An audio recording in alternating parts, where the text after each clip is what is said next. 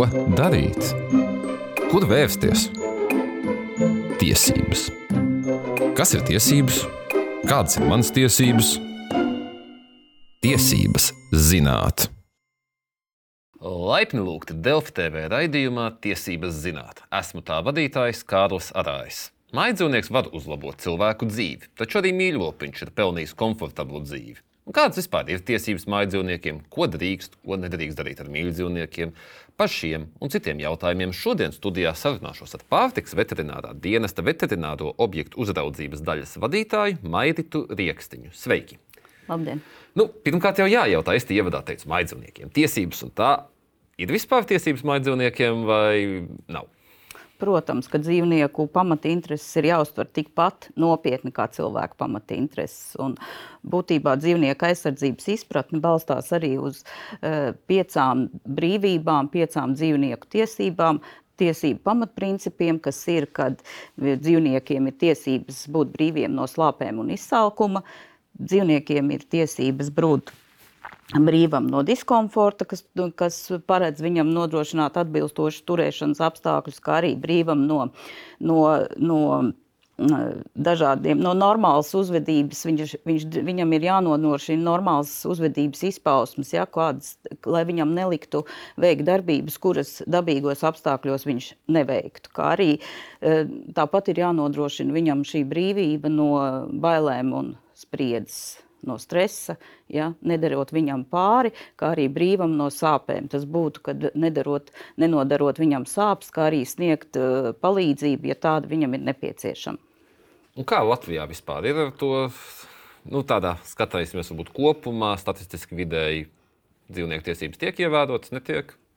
Protams, ka uh, sabiedrība mums ir arī izaugusi un, un, un, un arvien mazāk paliek šie pārkāpumi, bet, nu, protams, ka mēs ikdienā strādājot ar to sastopamies gan ar uh, būtiskiem labturības prasību pārkāpumiem, gan ar cietsirdīgu izturēšanos pret dzīvniekiem.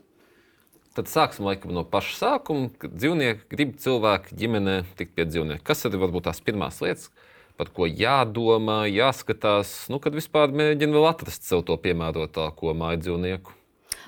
Protams, ka vispirms ir jāapdomā kādu māju dzīvnieku, jo ir dažādi viņi. Jā, ir jāpadomā, vai tu esi gatavs iet, kā piemēram, sunim regulāri vest viņu pastaigās, vai vienkārši izvēlēties sev māju dzīvnieku, kurš tiek turēts eh, terārijā vai akvārijā, kuram tur tās rūpes un tā uzmanība varbūt nebūs tik liela, bet kas attiecās uz dzīvniekiem kā suņiem, suņiem un kaķiem, ka, protams, vispirms ir jāizvērtē vispār tavas iespējas, eh, cik, il, cik lielu uzmanību tu viņam varēsi veltīt un kādi ir tavi arī līdzekļi šīs uzmanības veltīšanai. Jo um, zinām to, ka uh, tomēr arī gan veterinārmedicīniskie pakalpojumi, gan arī kaut vai tie paši elementārie barošanas, uh, nu, barošana ir pietiekoši, nu, prasīs pietiekoši liels tēriņus. Mm -hmm. Un, uh, nu, viens tāds lielais jautājums bieži par suņu audzētavām. Tas labas, sliktas un tā. Tas, tas nav šīs sarunas temats, bet kā vispār izvēlēties tādu suņu audzētavu, varbūt, ja grib šķirnes suni, nu, kad ir būs viss kārtībā. Nu, protams, ka vispirms es ieteiktu, uh, vispār, ja mēs esam nonākuši pie tāda lēmuma iegādāties dzīvnieku, kaut vai šķirnes vai bezšķirnes, ka vispirms varbūt varētu tomēr kaut vai piezvanīt pārtiks veterināriem dienestam, kādam speciālistam un pakonsultēties. Nevis darīt to zinām, tad, kad viss jau ir noticis, ko man darīt, mans dzīvnieks ir slims, man nav nekādu dokumentu un palīdziet. Bet pirms tam vispār, lai zinātu, ar kādiem dokumentiem dzīvnieks ir jāiegādājās, uh, kādā vecumā viņš to to var darīt, kādas ir vakcinācijas jābūt attiecīgā vecumā, attiecīgai sugai. Jā, vispirms pakonsultēties ar kādu speciālistu. Labi, varbūt tas varētu nebūt pārtiks veterinārais dienas, bet kaut vai pie veterinārā ārsta kāda aiziet un parunāt. Attiecībā par audzētavām audzētavas uh, dzīvniekus drīkst pavairot, bet nu, ir jāievēro uh, nosacījumi šiem dzīvnieku pavairošanai. Ja mēs gribam šķirnes dzīvnieku, tad, protams, būtu uh, šķirnes audzētavs un ciltsdarba organizācijas ir reģistrētas lauksaimniecības datu centrā.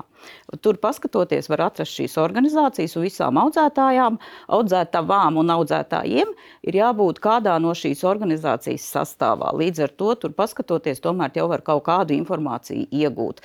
Nu, protams, joprojām ļoti bieži ir gadījumi, kad cilvēki ir gatavi atdot lielu naudu nepazīstamiem cilvēkiem, bez jebkādiem dokumentiem, eh, kaut kādās lielveikalu stāvvietās, benzīna tankos, un pēc tam tik saprot, ko ir izdarījuši.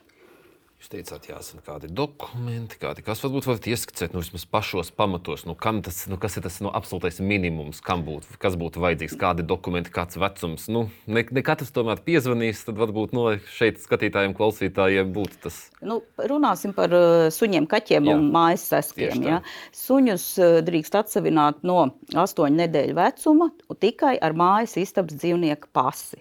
Savukārt kaķiem un seskiem uh, var būt arī vakcinācijas apliecība attiecības. Ja? Dzīvniekiem ir sunim noteikti ir jābūt apzīmētam, re, reģistrētam lauksaimniecības datu centra, centra datu bāzē jau uz pirmā atsevinātāja vārda. Tas būtu tas, kas nodrošinātu mums šo izsakojamību, ka mēs zinām, no kurienes šis dzīvnieks ir nācis. Attiecībā par kaķiem un seski, seskiem eh, kaķu vecums atsevināšanai ir desmit nedēļas, un eh, viņš varētu arī nebūt reģistrēts, ja viņam nebūs eh, nu, čips. Ja? Un, un šie dokumenti ir, kā jau es teicu, vai nu pasija ir apzīmēts vai vakcinācijas apliecība. Mm -hmm. Un ko darīt, ja, piemēram, es redzu, nezinu, bieži var redzēt, ejot gar centrālu tirgu, tur stāv tantiņa, onkulis, kāds ar maziem kaķēniem, un tad uzraksts bez maz, tur būs jūras skola vai arī nopērciet. Nu, tāds, diemžēl. Nu, Latvijā tādā veidā teikšu, nē, esmu ilgi kaut ko tādu redzējusi. Tas ir tā kā. Trim nedēļām. Tiešām, jā. jā. Ja? Tāpēc es Pro, gribētu jautāt, ko darīt tādā situācijā. Vispār ir noteiktas vietas, kur drīkst eh, tirgot eh, šos mājas istabas dzīvniekus. Protams, tas nav tirgus eh, un tantiņa, bet, nu, protams, tādas situācijas ir. Bet, ja, ja ir dzīvnieks ir pavairots un, ir, un tiek atsevināti šie, šie mm, jaundzimušie, tad, protams, ir jāsagaida attiecīgais vecums, ir jāizdara visas savas darbības, un par šo atsevināšanu jāpaziņo pārtiks veterinārā dienas teritoriālajai struktūra vienībai. Tad šos dzīvniekus var atsevināt no tās vietas, kur, kur viņi arī ir dzimuši. Ja? Nu, protams, ir vēl nosacījumi likumdošanā par to, ka tad ir jāiziet vēl apmācībām, jābūt speciālam, nu, uz ko ļoti grēko cilvēki. Ja? Jo, protams, visi, visi argumenti, kad mēs veicam kaut kādas pārbaudas, ir tas, ka nu, tas man gadījās. Tas ir pirmais un pēdējais, un nu, tā sanāca. Ja? Bet principā likumdošanā ir skaidri un gaiši pateikts, kas ir jāievēro, lai varētu dzīvniekus pavairot. Mm -hmm. bet, tad, eh, bet, ja es redzu, teiksim, no malas tādu, man ir vērts zvanīt eh, pārtiks veterināram dienestam un teikt, nu, re, kur šeit ir tāds gadījums, varbūt jums ir vērts paskatīties, kas un kā. Nu, protams, jūs varat ziņot, bet eh, jebkurā gadījumā ir tā, ka mēs neesam uz, uz izsaukumu. Ja tikpat labi tajā mirklī, kad jūs zvanīsiet, varbūt visi inspektori jau ir kaut kādos objektos, un mums ir arī noteikts darba laiks, ka mēs var, nevarētu piebraukt. Bet parasti jau šādos gadījumos iesaist arī pašvaldības policija, kuriem tomēr tas, tas ir mobilāki viņi. Un, nu, Protams, ka nedrīkstētu tirgot uh, dzīvniekus, jo noteikti šiem dzīvniekiem ir pārkāpts viss tas, kas ir noteikts likumdošanā. Ne viņiem ir dokumenti, ne viņiem ir atbilstošs vecums, ne viņiem ir. Protams, ka mēs varam, uh, ja mums izdodas sastapt vēl to cilvēku, kas tur ir, tad arī tiek uh, piemērotas atbilstošas, atbilstošas rīcības. Un ko darīt, ja, piemēram, es uzzinu, ka, nezinu, laukos kaimiņš to pašu manas pieminēto jūras skolu vēlas turpināt? Nu, es te runāju eifemismos, protams, bet, nu, Jā. Tā, tā jau ir cietsirdīga izturēšanās mm, pret dzīvniekiem. Jā, jo tā, tā jau ir gala rezultātā ir dzīvnieka nāve, un tur jau var iestāties krimināla atbildība. Tad par to ir krimināla atbildība. Jā. To tad atgādināt arī. Jā. Ja? Jā. Mm -hmm. Un vai es ar PVD arī varu sasniegties, ja es redzu, piemēram, klaiņojošs suns? Nu, Latvijā par laimi samērā maz, bet nu, tomēr redzu, ka skraida suns it kā saimnieka nav, bet nu, kā varbūt pat. Kas attiecās uz bezpalīdzīgā stāvoklī un klaiņojošiem dzīvniekiem, likumdošanā kompetence ir noteikti pašvaldībai, kuras e, pamatojoties uz saviem saistošajiem noteikumiem arī organizē šo klaiņojošo dzīvnieku izķeršanu un nogādāšanu patversmē. E, klaiņojošu dzīvnieku izķeršana nav pārtiks veterinārā mm. dienesta kompetence, un, un tad jau nu paš, pašvardi, pašvaldība ir e, izstrādājusi savu kārtību, ko viņi dara un kas brauc ķert šos klaņojošos dzīvniekus un kur viņi pēc tam nonāk. Mm -hmm. Un uh, atkal par kaimiņu hipotētisko redzu, ka viņš to suni bieži nu, tur cietsirdīgi izturās, nu, un, tā, un arī pie ķēdes tur. Kā ir abos gadījumos? Ja tur pie ķēdes tā drīkst, vispār nedrīkst? Patreiz likumdošana pieļauj dzīvnieku turēšanu pie ķēdes. Protams, jāievēro rinda kritēriju. No līdz desmit mēnešu vecumam kucēnus nedrīkst turēt pie ķēdes, bet nu, tagad jaunajos ministra kabineta noteikumos, kur tiek izstrādāti būs šis arī aizliegums eh, dzīvniekus turēt pie ķēdes. Bet uz šo mirkli drīkst turēt, bet ir jānodrošina dzīvniekam pastaigas, ir jānodrošina visa labturība, ir jānodrošina attiecīga vieta, kur paslēpties no nelabvēlīgiem laika apstākļiem, un arī šis turēšanas aprīkojums ir, ir gan ir noteikts kaklas siksnas platums, gan ķēdes garums, gan uh, elementi, kādiem jābūt šiem rotējošiem. Tā kā nu, patreiz tā, to var darīt. Bet, nu, ka, ja mēs runājam par kaut kādu cietsirdīgu izturēšanos un sišanu, un tas, protams, ir jāziņo gan uh, gan pašvaldības eh, institūcijām, gan arī pārtiks veterinārijam dienestam, lai mēs izvērtētu, kas tur notiek.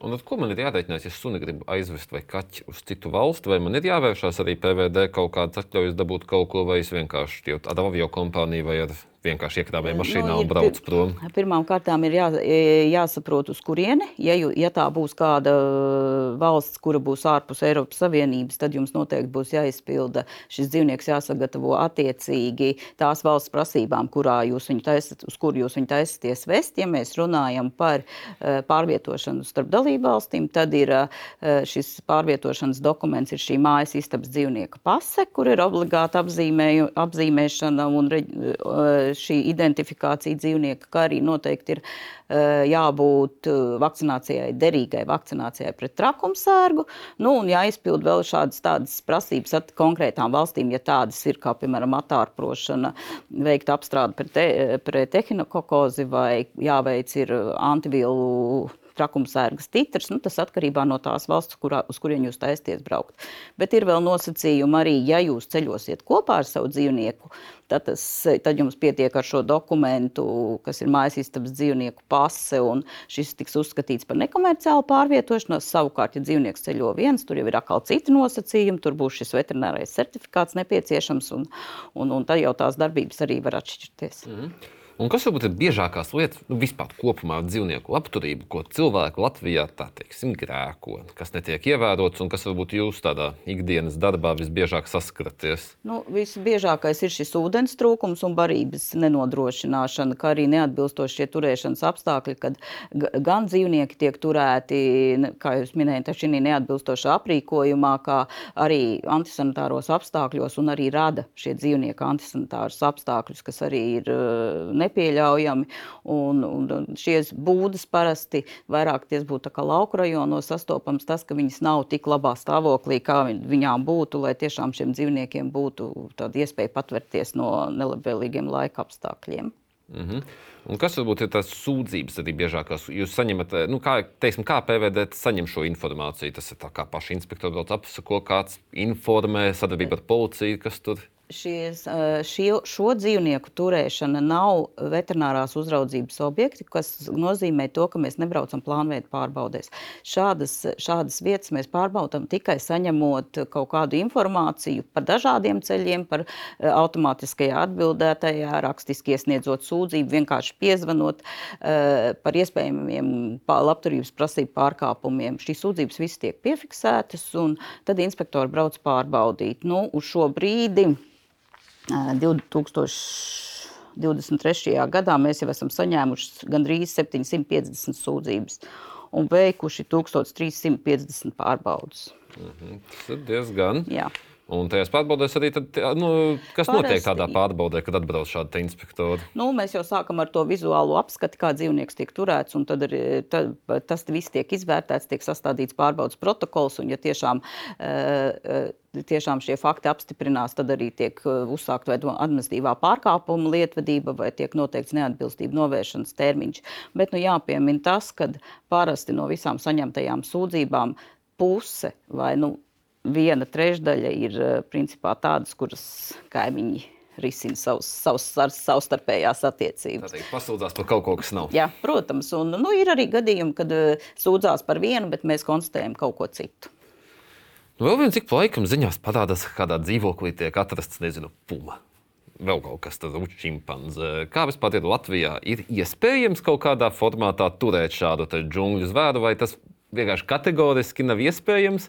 Vai ir iespējams, bet nu, viennozīmīgi ne dzīvoklī? Uh, šies, šie dzīvnieki, kas ir saites dzīvnieki, kas ir īpaši aizsargājamie vai apdraudēto sugu dzīvnieki, uh, šos jautājumus izskata un pārbaudas veids dabas aizsardzības pārvalde. Mhm. Un līdz ar to viņi arī izsniedz atļaujas, vai drīkst turēt vai nedrīkst turēt, un pārbauda šīs labturības prasības attiecīgajiem dzīvniekiem, kas tiek turēti. Tātad, ja man ir aizdomas, ka kaimiņam dzīvoklī ir, nezinu, leopards, tad es zvanu dabas aizsardzības Jā. Bet, es piezvanīšu jums, jūs jau gan jau protams, protams ja, tās, tas jau ir tā iestāžu sadarbība. Ja mēs saņemam arī sūdzības vai informāciju par kaut ko, tas tieši tāpatās, kā mēs pārsūtam gan policijai, gan mēs pārsūtam, pārsūtam dabas aizsardzības pārvaldē attiecīgajām institūcijām, kā kompetencē ir šie jautājumi jāuzrauga. Mm.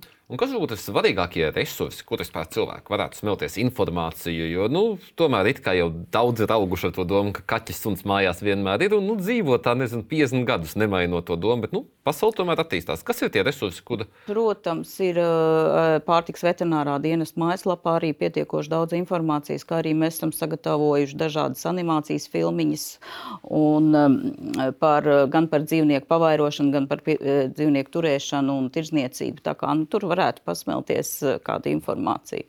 Tas ir mājaslapā. Jā, pārtiks veterinārā dienas mājaslapā.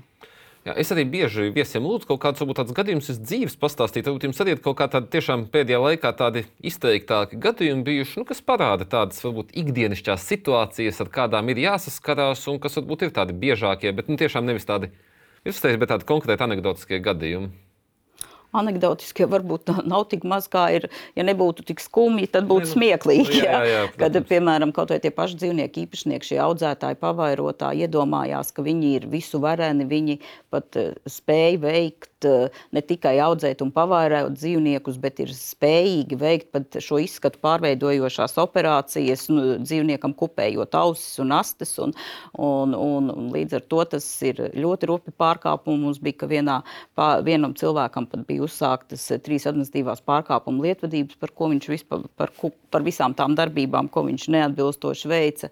Kā arī bija, nu, tas bija tāds ļoti eh, jauks skats, inspektori ieradās, eh, ieradās vienā dzīvoklī, vienistabas dzīvoklī, kur pretī sēdēja, tiešām viņi tik simpātiski sēdēja, kādi 25, 30 melna, melnbalti kaķīši Visi viņi rindiņā tik mīlīgi sēdēja. Nu, kā jau es teicu, ja nebūtu būt smieklīgi, ja nebūtu tik skumji, ja, ka šie dzīvnieki visi tiek turēti vienā mazā dzīvoklī un, un, un protams, antisanitāros apstākļos.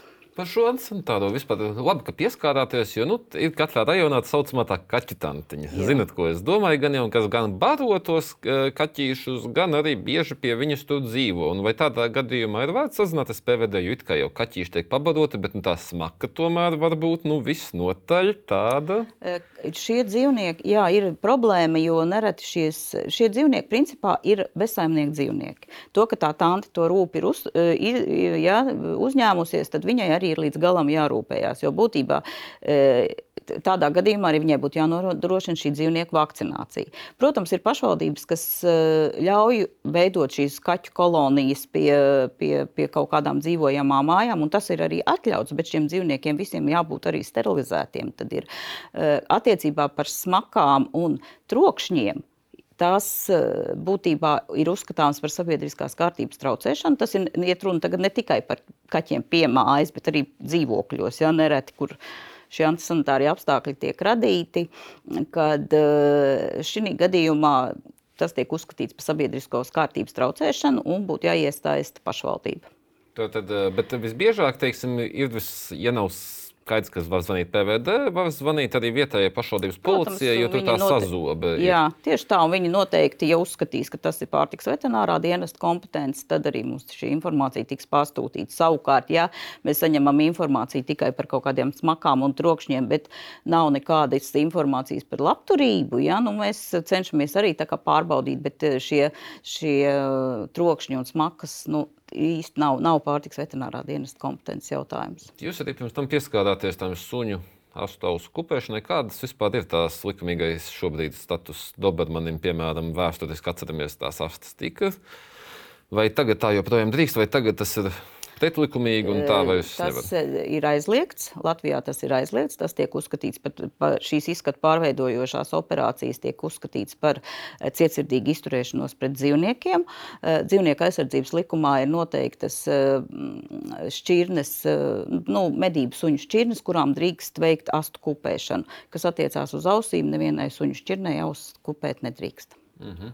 Mēs jau lēnām arī tuvojamies raidījuma teikt, noslēgumam, un tad es vienmēr lūdzu raidījumu viesim sniegt tādus, nezinu, 3, 4, 5 teikumos, tādu kā zelta padomu, kas ir tāds kā varbūt būtiskākais, kas būtu jāzina cilvēkiem, nu, kam ir tāda interese par kādu mīļdzīvnieku savā dzīvēm. Nu, tas bija tas, ar ko es arī sāku jau principā, šo raidījumu, ka pirms jūs kaut ko nolemjat iegādāties, vismaz, vispirms pārliecināties, ka jūs esat tam gatavi un kas ir nepieciešams un kur jūs viņu iegādāsieties. Jo kāpēc mēs iepērkam, nopērkot jebkuru mantu, tomēr gribam pretī kaut kādu dokumentu, tad arī kāpēc mēs pērkam dzīvniekus bez šiem dokumentiem. Mm -hmm. Un šīs notas teikšu jums paldies par sarunu, bet, dārgie skatītāji un klausītāji, ar jums mēs tiksimies jau pēc divām nedēļām. Un atcerieties, mums visiem ir tiesības zināt savas tiesības. Atā! thank you